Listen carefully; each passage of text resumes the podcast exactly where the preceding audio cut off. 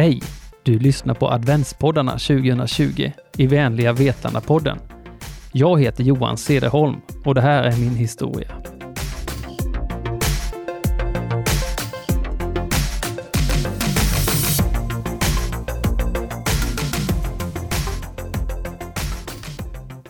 Jag hade precis pratat med min regionchef och försäkrat att vi klarar både julhandel och inventering med bokslut eftersom vi inte fått något barnbesked. Någon timme senare ringer min telefon. Det är min fru, Sandra, som är alldeles uppspelt och sprudlande. Vi har fått en pojke. Vi ska till Kenya om två, tre veckor. Efter år av väntan och längtan efter ett barn så är det inte lätt att sätta ord på alla känslor som detta besked innebar. Men jag minns att jag kände att jag måste sätta mig ner en stund.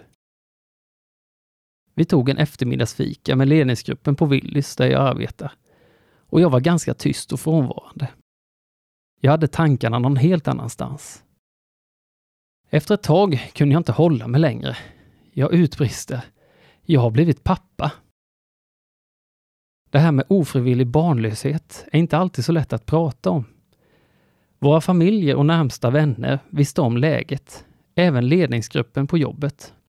Jag ville vara öppen med det, eftersom utredningen kring barnlösheten kräver en hel del läkarbesök.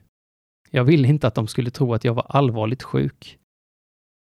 Vi fick ingen diagnos eller något tecken på nedsatt förmåga att få barn. Vi pratade ofta om att det nästan hade varit lättare att få en förklaring till varför det inte fungerade, så att man kunde rätta till det som var fel. Vi valde att gå in i en IVF-process. En tuff process som var mentalt påfrestande, där två negativa resultat gjorde att vi inte orkade fortsätta med fler försök. Vi valde då att byta spår. Adoption blev vårt val. Att bli godkänd för adoption blev vårt nästa mål. Det var inget litet jobb att ta sig igenom. Vi gick en familjeutbildning i Jönköping och samlade in en massa papper från bland annat belastningsregistret, intyg från banken om våra samlade ekonomiska tillgångar, läkarintyg på att vi var friska och så vidare. Innan vi var klara med vår ansökan hade vi fyllt hela köksbordet med olika handlingar. Vi hade först bestämt oss att adoptera från Sydafrika. Mycket för att Sandras pappa är född där och att Sydafrika redan hade en speciell plats i våra hjärtan. Men kötiden var lång och när vi stått i kö i ett och ett halvt år så förlängdes kötiderna ytterligare och det gjorde oss frustrerade och ledsna. På familjeutbildningen i Jönköping hade vi haft besök av en adoptivmamma som berättat om deras adoption i Kenya. Vi var tydliga i vår ståndpunkt efter den kvällen, att Kenya inte var något för oss. En process med en vistelsetid i landet på mellan 6 till 10 månader passade inte oss. Men längtan efter barn blev större än rädslan att ge sig ut på äventyr i Afrika i några månader. Sandra tog upp det med mig lite försiktigt. Vad säger du om Kenya? sa hon. Hon visste ju att jag gillar att resa sådär två, tre veckor, men att jag trivs allra bäst innanför 50-skyltarna i Landsbro, där vi bor. Men det blev alltså Kenya. Jag fick ringa min regionchef ett par timmar senare samma dag och berätta att vi varken klarar julförsäljningen eller bokslutet. Den 17 december 2012 lyfte planet från Landvetter flygplats. Våra tidigare erfarenheter av Afrika fanns i Sydafrika och i Mosambik. Det rikaste respektive ett av de fattigaste länderna på den kontinenten. Kenya återfanns ändå bland de rikare länderna i Afrika. Det hade jag läst. Men chocken blev stor när vi insåg skillnaden mellan Sydafrika och Kenya. Jag vet att jag tänkte, oj, ska vi bo här så länge?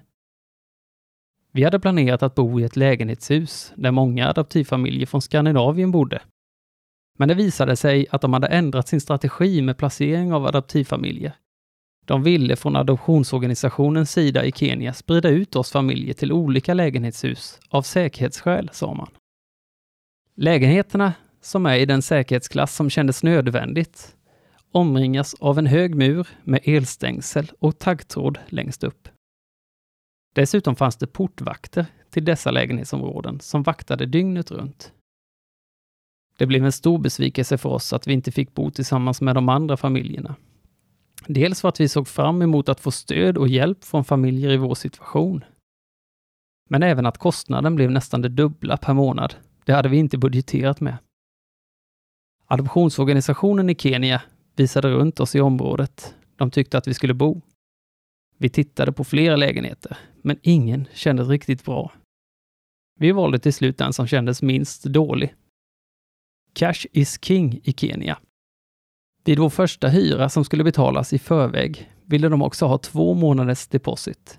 Det innebar att vi skulle betala 360 000 kenyanska shilling, pengar som skulle tas ut från automater med en säkerhetsspärr på 80 000 shilling om dagen. Så det tog alltså några dagar att ta ut de där pengarna.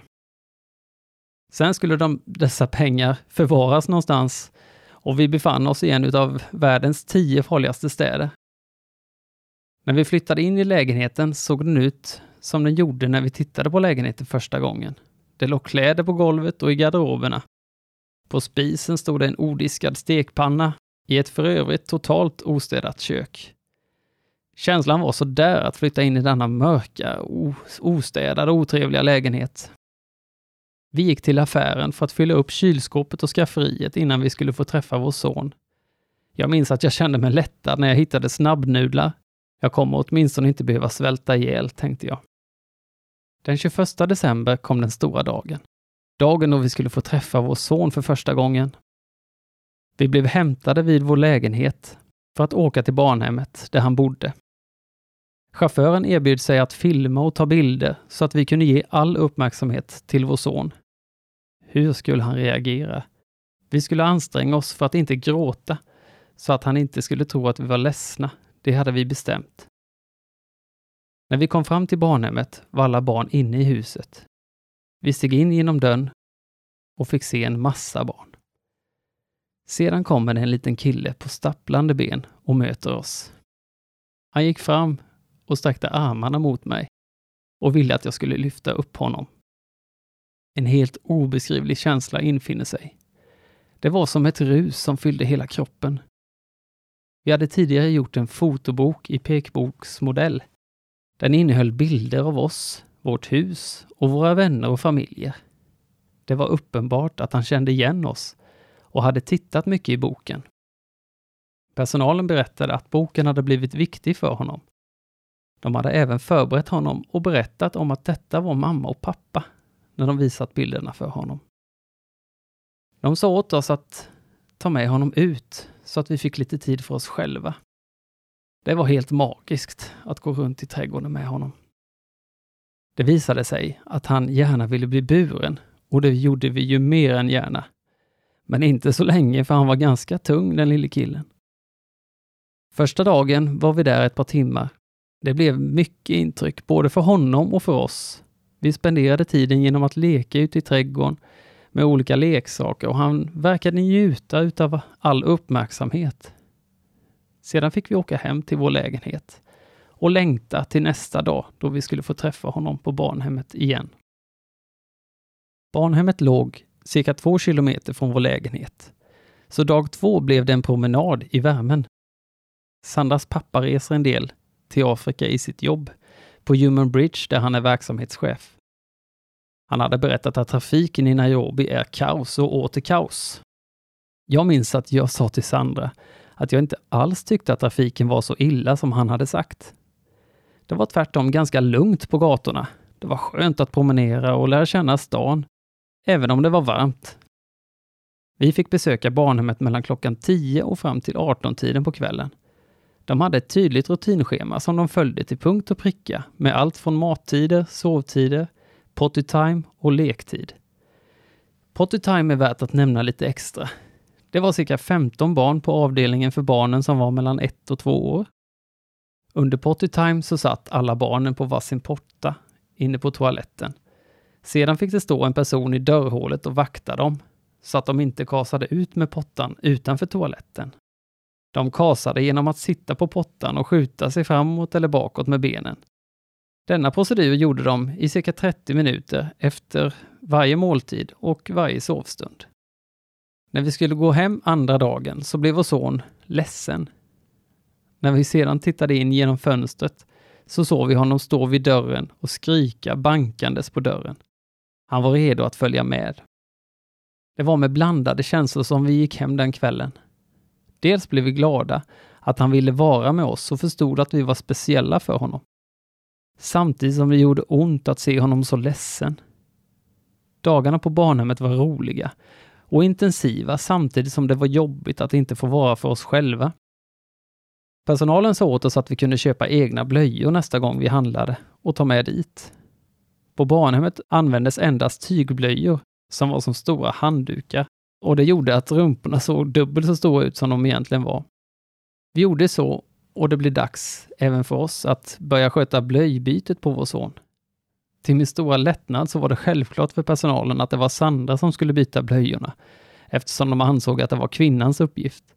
Jag kände mig lättad eftersom jag helst inte ville ha publik av barnhemspersonal första gången jag bytte en blöja. På den tredje dagen tog vi mod till oss och frågade hur länge de trodde att det skulle dröja innan vi kunde få med honom hem till vår lägenhet. De tog kontakt med sjukhuset för vi skulle få ett utlåtande från en läkare på att han var frisk innan vi fick med honom hem. Så på annandag jul så fick vi en tid hos en läkare för undersökning. Efter en vecka med besök på barnhemmet var det sedan dags för oss att få med oss honom hem. Det kändes skönt att få vara lite mer för oss själva än att spendera hela dagarna på barnhemmet. Vi var tacksamma för rutinschemat som barnhemmet hade. Det tog vi kort på innan vi tog farväl och sedan följde vi det med mat och sovtider även i fortsättningen. Vi hade haft några olika namnförslag till honom, men vi landade slutligen i att Will skulle bli hans tilltalsnamn. Det fick symbolisera den starka vilja vi hade för att få honom. För det krävs en hel del vilja att orka med alla stegen i den här processen. Vi fick ett par bra dagar tillsammans i vår lilla familj. Vi försökte hitta lugnet och landa just som familj. Vi insåg att det blev väldigt mycket nytt för Will. Hans ögon var stora som tefat när vi gick omkring i stan med honom. Han satt på min rygg i en bärsele. Barnhemsmiljön är väldigt isolerad och skyddad. Han hade inte varit utanför barnhemmet särskilt många gånger, med undantag av något läkarbesök på sjukhus. Att se alla bilar, människor, djur med mera var väldigt nytt och spännande.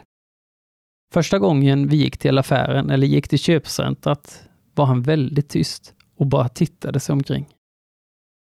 Efter ett par dagar hemma hos oss så blev Will sjuk. Han fick en kraftig förkylning och den satte sig på luftvägarna. Han var väldigt tung i andningen och det hela blev värre och värre. Värst var det nattetid, när han låg ner. Samtidigt blev Sandra ordentligt magsjuk och helt utmattad. Efter ett par dagars sjukdom för de båda så blev båda sämre. Jag tittade till Will då jag hörde honom hosta i sin säng. Andningsbesvären hade blivit värre och det bara tjöt i honom när han andades. Jag bestämde mig för att ringa ambulans.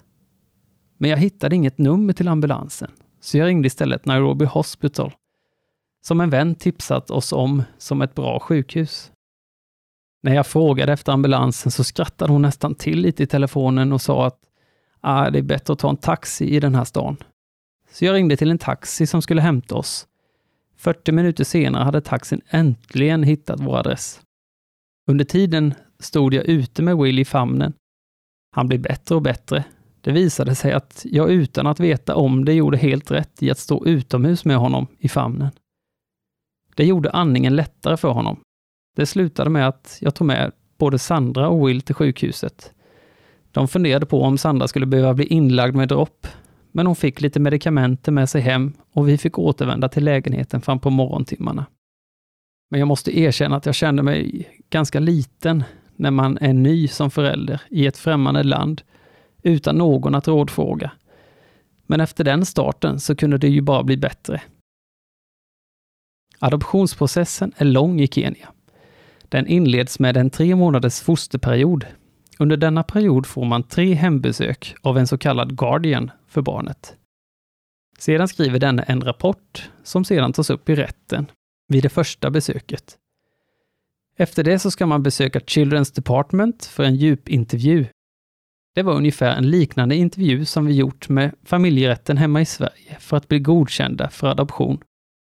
Problemet var att man inte fick ha med sig barnet på intervjun och båda föräldrarna skulle närvara. Vi hade tur som hade ett utav många Sverigebesök hos oss under denna period, så det löste sig när våra vänner kunde passa Will. Det var tiderna i rätten som var det stora problemet i processen. Vi blev bortplockade från listan med case dagen innan, två gånger. Vi vet inte varför. Men till slut fick vi vår andra hearing i rätten och därefter väntade vi på vårt domslut, som kom någon månad senare. Efter det kunde vi söka pass och ordna med hemresa och så vidare. En lång och oerhört psykiskt påfrestande process. Att inte veta när vi kunde åka hem var en väldigt jobbig känsla. Men när vi tänker tillbaka på tiden i Kenya så är det mycket ljusa minnen. Den jobbiga processen överskuggas av allt det underbara vi fick vara med om. Vi hade som sagt flera olika besök av våra familjer och vänner. Det förgyllde vår vardag och gjorde vistelsen lättare. Vi hittade på mycket roliga saker, som att åka på safari till Masai Mara. Vi flög till kusten för sol och bad vid ett flertal tillfällen och bodde på lyxiga hotell. Vi lyckades nämligen förhandla till oss de priser som kenyanerna betalade, det vill säga mycket lägre än turisternas priser. Vi hade ju ändå en kenyan med oss. Men för att få vardagen att gå så kände vi att vi inte kunde bo kvar i den här mörka och dystra ostädade lägenheten. Vi behövde få lite mer kvalitet i vardagen, så vi bestämde oss för att flytta till ett lägenhetsområde där vi egentligen inte fick bo för adoptionsorganisationen. Men vi hade inte frågat om just det området, så vi spelade dumma och flyttade för att sedan informera om att vi hade flyttat. Det var väl inte helt populärt hos dem, men vi kom ur det hela på ett bra sätt. Den nya lägenheten låg på femte våningen, vilket var en nackdel när man hade handlat mat och vattendunk på 15 liter och så med en lätt överviktig kille på ryggen. För någon hiss var det ju inte tal om. Men i övrigt var lägenheten helt perfekt. Vi hade till och med städerska tre dagar i veckan. För övrigt fyllde vi dagarna med att bada i poolen, gå och handla mat varje dag, för då gick det någon timme. Sedan gick vi en lång promenad på omkring en och en halv till två timmar.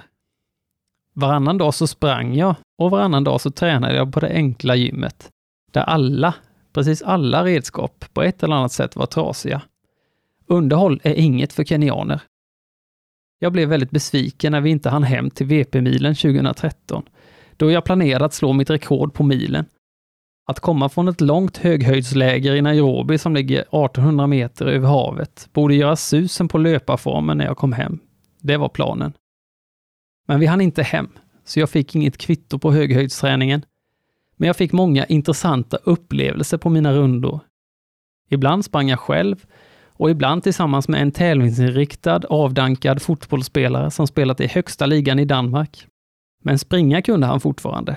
Så även kenyanerna generellt, som ni säkert känner till. Ibland blev jag omsprungen av kenyaner som var på väg hem från jobbet i sina flip-flop-tofflor. Det var lite knäckande kan jag tala om. Men på slutet tuffade jag till mig och hängde på dem ibland. En som jag inte hängde på var en kenyansk landslagslöpare som sprang förbi.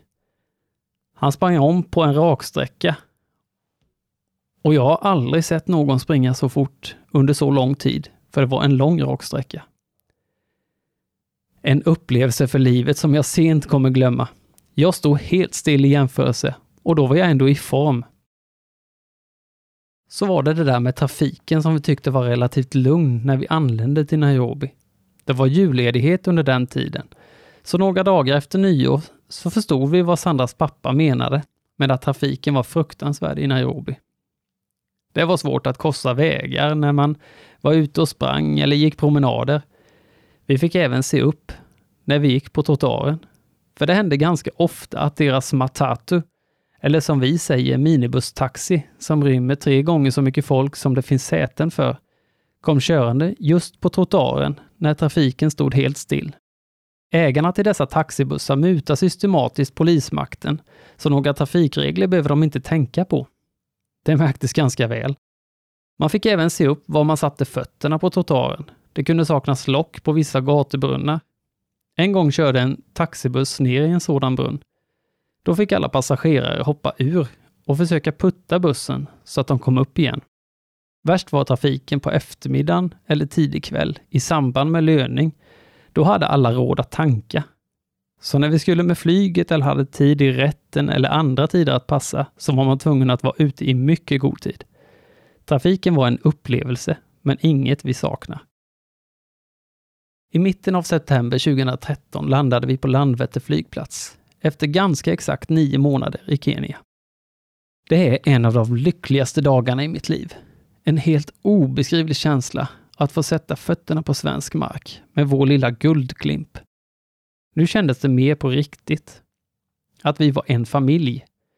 Att sedan få möta våra familjer och vänner efter så lång tid gjorde ju inte saken sämre. Vi fick ett varmt mottagande med banderoller på huset. Invändigt hade de städat och gjort fint. Vi bara njöt. Wills kommentar när han kom in i sitt nya hus var Wow! Han tyckte det var jättestort och jättefint och verkade direkt fatta att detta, det var vårt hus. Under tiden vi var i Kenya ställde vi oss i kö för adoption nummer två. Då fanns inga tankar på att åka tillbaka till Kenya, utan nu var siktet inställt på Sydafrika. Väntan kändes mycket lättare när vi hade ett barn. Ja, det gick faktiskt överraskande fort tills vi fick barnbesked igen. Det ringde i min telefon när jag var på jobbet. Det var Adoptionscentrum som ringde och meddelade att vi hade fått en dotter. Detta var den 28 juni 2016 och chocken den var total. Redan, tänkte jag. Vi hade tidigast väntat oss detta samtal framåt senhösten men det blev till att resa mitt i industrisemestern. En stor anledning till att det gick så snabbt var att den biologiska mamman varit högst delaktig i processen med att matcha oss med hennes barn. Hon hade stort inflytande i processen och var med och valde oss till föräldrar åt hennes dotter. Det kändes väldigt stort för oss. Det fanns dock ett starkt önskemål om att få träffa oss utan att fundera särskilt länge så tackade vi ja till detta önskemål. Den här gången kände vi oss inte lika nervösa. Vi hade ju klarat av Kenya och Sydafrika hade vi besökt tre gånger tidigare, så vi hade även bra koll på hur saker och ting funkade i landet. Men vi var ganska nervösa för mötet med den biologiska mamman. Hur skulle det bli? Kommer vi känna skuld över att vi tar hennes dotter ifrån henne? Kommer det bli spänd stämning? Vad ska vi säga till henne? Det var många frågor som snurrade i huvudet. Vi fick veta att hon, då hon förstod att hon var gravid, kände redan från början att det här var inte menat att vara hennes barn. Det var menat för någon annan. Hon upplevde också att hon var lite för gammal för att börja om med en ny liten bebis men främst var det den ekonomiska situationen som gjorde att den biologiska mamman inte hade möjlighet att ta hand om denna lilla tjej.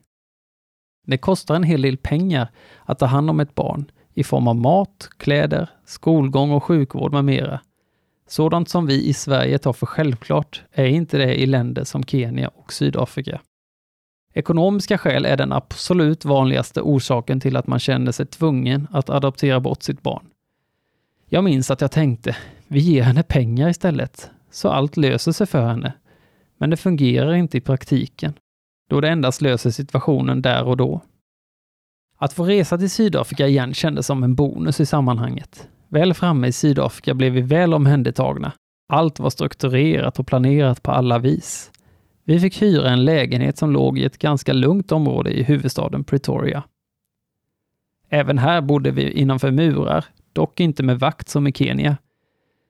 Men även i Sydafrika måste man tänka på säkerheten och vi visste sedan tidigare att vi måste vara hemma innan mörkrets inbrott varje kväll för att inte ta onödiga risker. Men innanför murarna på vårt boende kände vi oss alltid säkra. Det fanns fem andra lägenheter i huset och där bodde främst andra adoptivfamiljer. Vi lärde känna andra familjer från såväl Sverige som andra europeiska länder.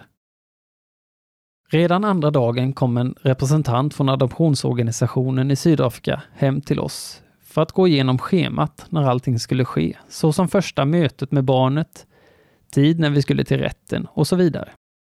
Det kändes lite som en charterresa om man jämför med tiden i Kenya, då man fick lösa mycket av problemen själv. Här blev man hämtad enligt schemat, så det är bara att hänga på. Väldigt behagligt och skönt på alla sätt och vis. Så kom dagen då vi skulle träffa den biologiska mamman. För nästkommande dag skulle vi få våran dotter. Alla nervösa tankar vi tänkt innan försvann direkt när vi klev in i rummet. Det var ett varmt, öppet och alldeles underbart möte med helt fantastiska människor. Det var som hämtat ur en film. En feelgood-film. Utöver den biologiska mamman fick vi även träffa hennes tioåriga dotter, som alltså var halvsyster till vår dotter samt tjejernas mormor. Hon uttryckte stor tacksamhet för att vi skulle ta hand om hennes lilla tjej. Vi bad en bön tillsammans innan vi skildes åt. Det kändes verkligen bra efter denna träff. Nästa dag var det dags för överlämningen av vår dotter. De kom hem till vårt boende och vi hade bestämt att Will, som då var fem år, skulle få träffa henne först. Så han mötte henne i grinden och strålade av lycka för att han fick träffa lillasyster först av alla. Sedan kommer det en liten blyg tjej med skräck i blicken. Hon var så fin, som en liten prinsessa. Det var inte lätt att hålla tårarna borta. Hon knöt an väldigt snabbt till Sandra och redan första kvällen kunde de busa tillsammans. Så hon fick visa sitt gulliga, gurglande skratt. Men när hon fick syn på mig i dörröppningen, då blev hon alldeles tyst. Kom jag sedan närmare, då började hon gråta. Så jag fick kämpa för att bli populär. Det tog tre veckor, sedan kunde vi leka lite själva på gården när Sandra var inne i lägenheten. Men bara kortare stunder. Sen ville hon till mamma igen. Men de stunderna hade jag ett leende på läpparna hela tiden. Barnhemsbarnen i Sydafrika är nästan helt ovana vid män. En finsk pappa berättade att han upplevt samma sak som jag upplevde med deras son. Det tröstade mig att det inte bara var jag som verkade farlig. Detta gjorde att Will och jag spenderade mycket tid tillsammans. Han fick dock inte tillgång till sin mamma på samma sätt som tidigare. Han ritade en teckning av oss som familj. Han gjorde ett kryss över ansiktet på figuren som skulle föreställa mamma. Han förklarade det hela. Mamma, jag känner inte riktigt att jag kan lita på dig längre. Du är bara med lilla syster hela tiden. Nu hade ju inte Sandra så mycket att välja på. Men det är ju inte så lätt för en femåring att förstå när man har haft allt fokus tidigare. Men när lillan sov, då passade Sandra på att leka lite extra med Will. Efter ett par dagar så var det redan dags att åka till domstolen för att klara av de juridiska bitarna. Domaren hade fått förhinder och de ursäktade sig så mycket för detta.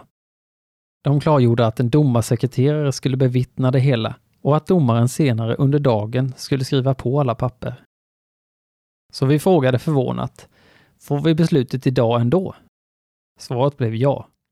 Det kändes jätteskönt. För allt strul med rätten i Kenya som vi upplevt så kändes detta inte ens värt att ursäkta sig för. De löste allt perfekt. Resten av processen var en enda lång semesterresa där vi fördrev dagarna med restaurangbesök, promenader och besök på lokala marknader. Det finns så mycket god mat i Sydafrika och det vittnade vågen om när vi kom hem. Men så mycket resor gjorde vi inte med Ellie, som vi namngav henne till.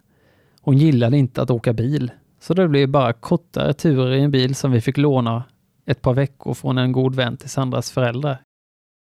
Vi bodde bara 15 minuters promenad från hans hus och det var ju en stor trygghet för oss att ha honom så nära. Det var en utmaning att köra i, en stor stad som Pretoria i vänstertrafik. Men det gav en frihetskänsla att kunna ha bil så att vi kunde röra oss till andra stadsdelar och utanför stan. De fyra veckorna i Sydafrika gick fort och då blev det dags att åka hem. Återigen var det en skön känsla att komma hem till sitt eget. Vi hade inte helt bestämt oss för om vi ville bli en ännu större familj. Men eftersom kötiderna fortfarande var relativt långa så hade vi sedan en tid tillbaka ändå ställt oss i kö för en tredje adoption. Tiden gick och det började bli dags att bestämma oss. Vi kunde inte motstå den där känslan av hur fantastiskt det är att få privilegiet att bli förälder på det här viset. Att få det där första mötet, framstegen i anknytningen och känslan att få bli ett barns trygga punkt. Så det blev återigen ett sånt där överrumplande samtal.